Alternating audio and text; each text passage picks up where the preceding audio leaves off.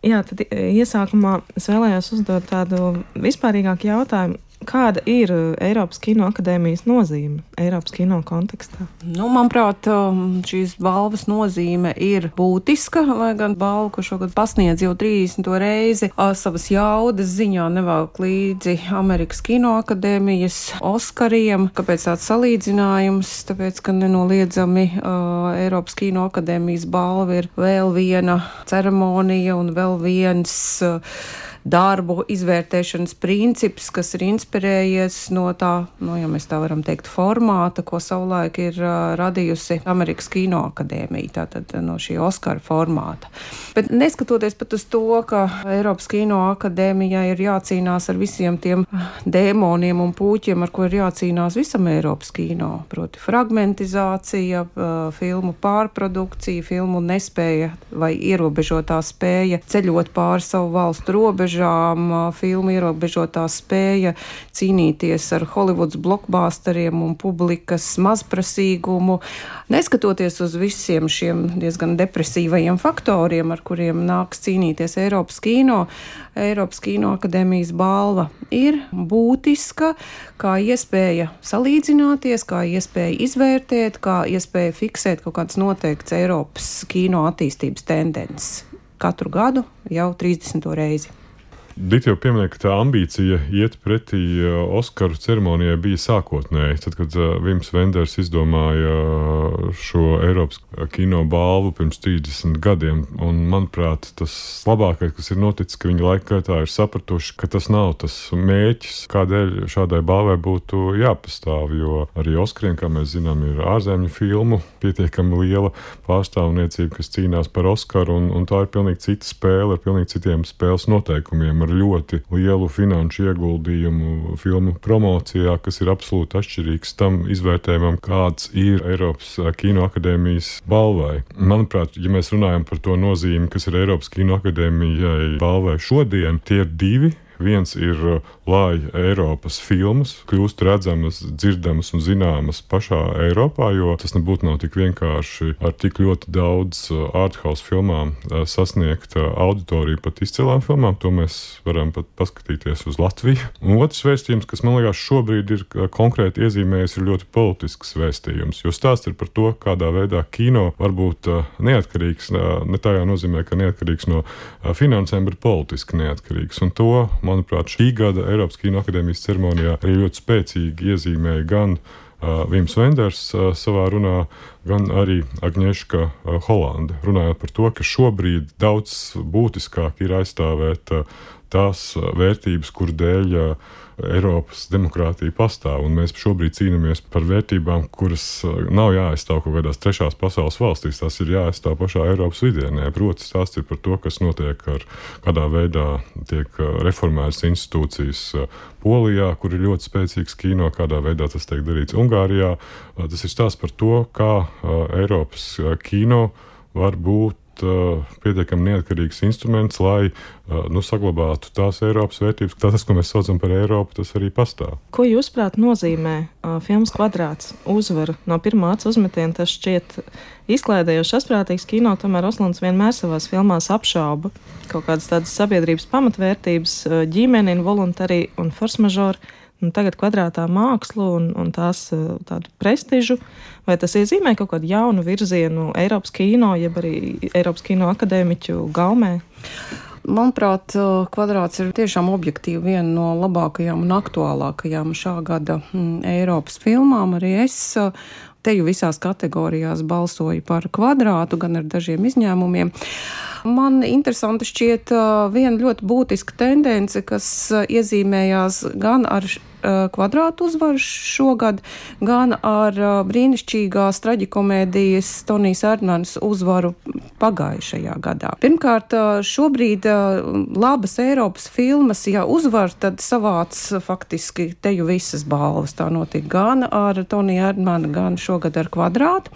Otkārt, abas šīs filmas ir žanriski gana salīdzināmas, jo tās ir traģikomēdijas un tās ar vieglumu ironiju, eleganci un perfektu stila izjūtu stāsta par ļoti asām, samilzušām sabiedrības problēmām. Un es tik daudz arī Rūbena Esluna filmu kvadrāts neustveru kā filmu par laikmetīgās mākslas biznesu un laikmetīgās mākslas institūcijām, nu, kā ironija, kas, kas veltīts šīm institūcijām, bet drīzāk es to uztveru kā ļoti precīzu Zviedrijas sabiedrības portretējumu, kurā tiek ironizēts gan par šīs sabiedrības dekoratīvo politkorektumu un tāpat laikā absolūti skaudro šķirisko noslāņojumu. Bet tā ir izcila mākslas darba priekšrocība, ja tu spēj apvienot ļoti daudz līmeņus gan savā vēstījumā, gan savā izteiksmē, un, kā pierāda divu pēdējo gadu Eiropas Kino akadēmijas laureātu būtība, panākumu ķīla ir spēja runāt par svarīgām lietām viegli, nepiespiesti, attraktīvi, komiski, bez uh, presinga, bez drūmuma, bez tāda absolūta, nu, arī mākslinieciska egocentrisma. Un nu, nenoliedzami uh, Ziedru kino Rubena Estluna personā ir atkal izvirzījies, nu, ja tā var teikt, Eiropas kino uh, avangardā. Ja mēs skatāmies uz visām pārējām arī filmām, kas pretendēja uz uh, labākās filmas statusu. Šogad tās bija ļoti izcils un spēcīgas uh, filmas. Un tas, ka vai kvadrāts ir īpaši uh, pārāka vai savādāk, viņa vienkārši viena no, manuprāt, ļoti labām filmām ar ļoti spēcīgi izveidotu stāstu, kas ir arī pamata tēma, kas man likās būtiski, ir stāsts par to liekulību, par to, ka liekulība starp profesionālo darbību un, un, un, un tavu personīgo dzīvi vai attieksmi pret lietām, tā ir diezgan uh, būtiska mūsdienu tendence visās jomās redzama, un, un tas, kādā veidā filmu kvadrāts to risina, tas ir pietiekami nu, spēcīgi un, un interesanti. Un, un es ļoti ceru, ka latviešu skatītājs ies šobrīd uz filmu kvadrāts, kur rāda Splendid Palace, jo, jo ir vērts paskatīties par to, ka varbūt uh, šis liekulības aspekts attiecībā pret daudzām lietām, ko darām, pie kāds var novest. Bet uh, es balsoju par uh, Zagincevu filmu. Uh, uh, nemīlestība vairāk aiz tādiem politiskiem apsvērumiem, jo man šķita, ka ja Krievu režisoru filma, kuru nefinansēja Krievijas ministrija, ir pelnījusi tādu zināmā mērā politisku vēstījumu. Pat ja to finansē Krievu miljonāri, kas dzīvo ārzemēs, tas ir stāsts par to, kādā veidā šos politiskos notikumus ir iespējams nu, parādīt arī kino valodā, pat ja tas stāsts nav par, par konkrētiem politiskiem notikumiem. Un Zaginceva Leviatāns, manuprāt, nepelnīti tika savulaik Rīgā negodināts, kad viņi pretendēja arī uz labākās filmas statusu. Un, manuprāt, Eslunda Force Majeure arī nepelnīti tika negodināts Rīgā 2014. gadā, kad tas arī pretendē uz labākās filmas status. Un būtībā mēs redzam, ka tie līderi jau ir vien un tie paši. Mēs esam nogājuši kaut kādu ciklu, trīs gadu posmu. Pas, pasākums vairs nenotiek Rīgā, bet Berlīnē. Un atkal, atkal uz balvām, galvenām balvām pretendē tie paši režisori. Nu, vairāk vai mazāk. Nu, vismaz Vagins Krasnodēvs un Ēslons bija šo režisoru vidū, spēcīgāko pretendentu vidū. Vēl man liekas, ka jāatzīmē arī ka tāds klasiķis kā Kaurismekī, kurš tik ļoti ir klasiski spēcīgs un tik ļoti kaurismekisks tajā uh, filmā, kas citā cerības pusē, ja tā viņš ir. Cerības otra puse, jā. jā. Kas patiešām ir ļoti tīra, Kaurismekī filma, un tā nebūtu nav tāda paša citēšana, kā, kā varbūt liktos sākumā, kas man šķiet arī šobrīd ir Rīgā uz ekrāniem. Vairs nav, jo Latvijas skatītājs diemžēl vairs neatpazīst Kauris Mekī un uh, brīnās. Un, vārdu sakot, filmu skatījās tik slikti, ka ļoti ātri novāc no ekrāniem, kas ir ārprātīgi žēl. Un žēl ir arī uh, savā ziņā žēl, ka kvadrātu arī rāda tikai savu veidu tādā vienā nu, Eiropas kultūras geto uh, Rīgā, proti, Splendid Palace, jo kāpēc? Kāpēc šī filma nevarētu būt uh, plašāk pieejama? Arī šī Ildiko un Jedija filma par miesu un dvēseli. Apbalvojumu saņēma tikai filmas aktrise, kaut gan nu, šķiet, kā, ka šī varētu būt viena no pretendentēm uz galvenajām balvām. Kas notika jūsuprāt, kāpēc ir tikai labākās aktrises balva? Starp citu, Enģēdi filmu no 15. decembra ir skatāma kinoteātros, tātad tas ir ļoti aktuāli. Filma ir Berlīnas kinofestivāla uzvarētāja. Interesants stāsts saistās arī, šo, arī šīs filmas režisori Ildiko Enģēdi. Iespējams, ka kāds kinofans no 90. gadiem vēl atcerās jaunas uh, Ungāru režisoras triumfu ar filmu Mans 20. Gadsimts. Nu, viņa bija tāds absolūts talants, uh, sensācija, un tad šī režisora pazuda uz vairākiem vairākiem gadu desmitiem, par viņu nekas nebija dzirdams starptautiskā arēnā. Un ar uh, filmu par miesu un dvēseli viņa atgriežas ārkārtīgi spēcīgi. Nu, ar ļoti mērķiecīgu, dramatisku stāstu par divu vientuļu, vienkāršu cilvēku attiecībām un ļoti brutālā vidē, kāda ir lopkautuve. Ja. Nu, ja jūs neesat sensitīvs veģetārietis un tiekat pāri filmas pirmajām 15 minūtēm, tad, protams, šī var kļūt par vienu no jūsu emocionāli iespaidīgākajām filmām gada ietvarā. Ja jūs esat sensitīvs veģetārīts, tad iespējams pār pie, pirmajām 15 filmas minūtēm jūs netiksiet. Nu, iespējams, tad tajā Eiropas kino akadēmiķu vidū ir daudz sensitīvu veģetāriešu. Tāda ir mana versija. Ja man šķiet, ka ļoti būtiski, ka Austrumēropas filma, kā, kas nāk no Ungārijas, ir, ir redzama, ir tik ļoti spilgti redzama. Viņa bija spilgti redzama Berlīnas kinofestivālā, un, un es teiktu arī, ka ar šo balvu aktrisei viņa, viņas vērtība nemazinājās, bet, kā mēs redzam, aktrises reakcija saņemot balvu ir bijusi tik spēcīga, ka, ka interese par šo filmu ir tikai pieaugusi. Tā no tā viedokļa labs PR ir filmai radies un notiks, un kas man liekas ir būtiski. Tieši, ja mēs Ungāriju uztveram kā mūsu reģionu, tad tā mūsu reģiona filmām tas, tas, tā, tā ir, tā ir, tas ir ļoti liels nu, promocijas jauns, ka divas filmas, viena ir no uh, Krievijas un otra no Ungārijas, ir, ir starp piecām labākajām filmām. Tas, jo, jo kaut kādā ziņā jau tur arī skatās, lai tā proporcionalitāte Eiropas dažādībā ir pārstāvēta. Jā, es vēlējos vaicāt par jūsu favorītiem starp apbalvotajām filmām, bet es saprotu, ka mēs jau esam to izrunājuši lielā mērā, ja tomēr ne. Jā, lielā mērā jā, bet arī ar tām Eiropas Kino akadēmijas balvām ir viena tāda šaura bezizēja, jo, ja mēs paskatāmies uz tām piecām filmām, kas bija nominētas labākās filmas balvai, tās visas bija starptautiski zināmas filmas jau pirms šīm Eiropas Kino akadēmijas balvām. Tātad trīs no šīm filmām ir saņēmušas balvas Kanu kino festivālā, tas skaitā kvadrāts galveno balvu, zelta palmas zara un Kauris Meki un Ildiko Enjadī filmas savukārt, filmas savukārt uzvarēja Berlīnas kinofestivālā. Tātad piecas izcils filmas, kurām jau ir lielas balvas uh, viņu kabatās vai kontā, un uh, tā realitāte ir diezgan skarba, ja mēs domājam par nu, teiksim, mūsu izredzēm, perspektīvā vai kādas citas Baltijas valstu filmu izredzēm. Jo, manuprāt, arī kino akadēmiķi saņemot shortlistu, kurš ir samērā garš, proti 50 filmas, par kurām tev ir jābalso. Šogad šo 50 filmu vidū bija viena lietuviešu filma, tad Šārunas Bartas filma Sals.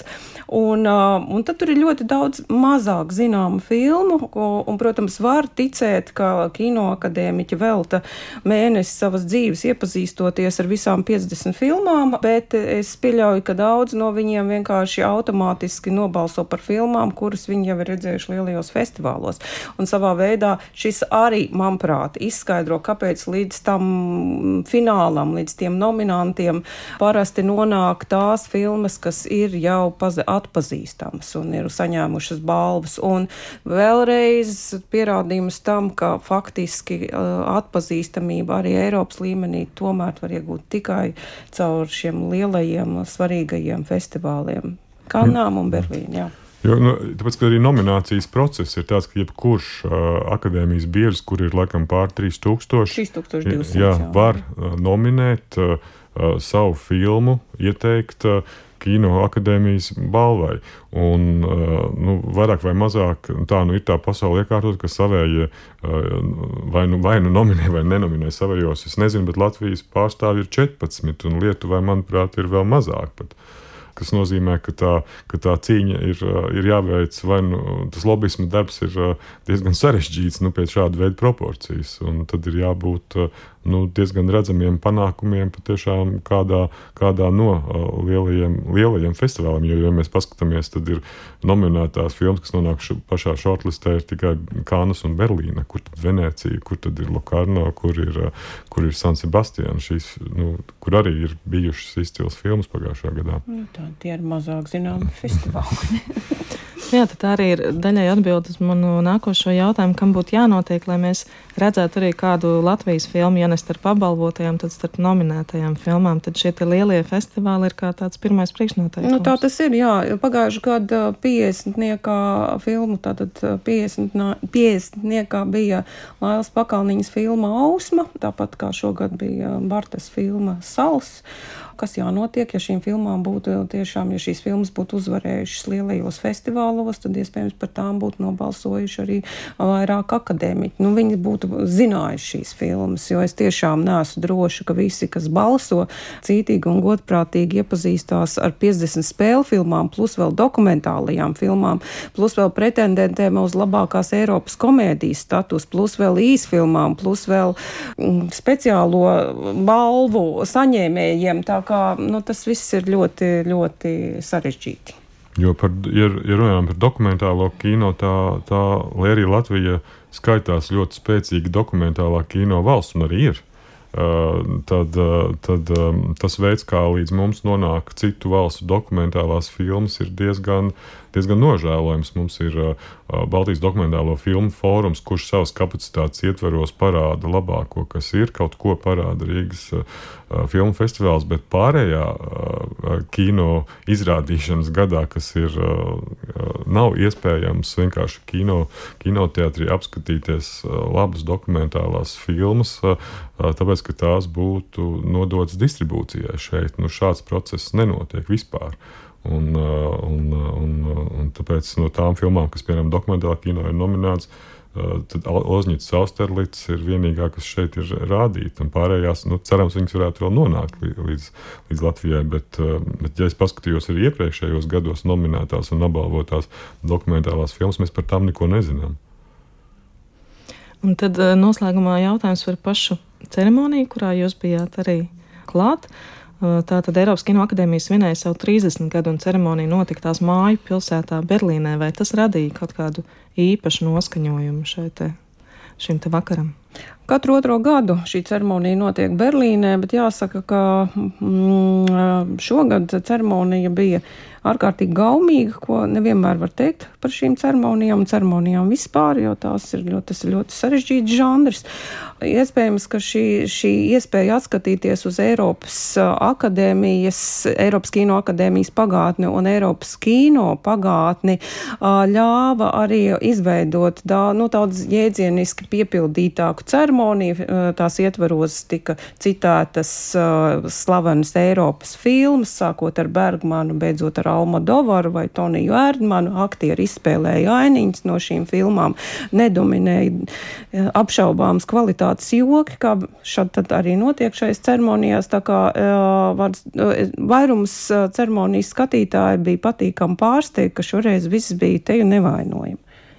Jā, man šķiet arī, ka vāciešu aizraušanās ne tikai teātrī, bet arī šaubiznesā ar politisko, politisko kontekstu dažreiz ir nevietā vai pārspīlēta. Šoreiz šis politiskais konteksts bija ļoti vietā un ļoti precīzi, uh, precīzi moderēts un, un arī izstāstīts. Un, kas bija, manuprāt, būtiski gan lai iedvesmotu tos kinematogrāfistus, kuri uh, skatījās šo ceremoniju, gan arī tos, kuri bija klāti. Paldies jums par sarunu! Paldies!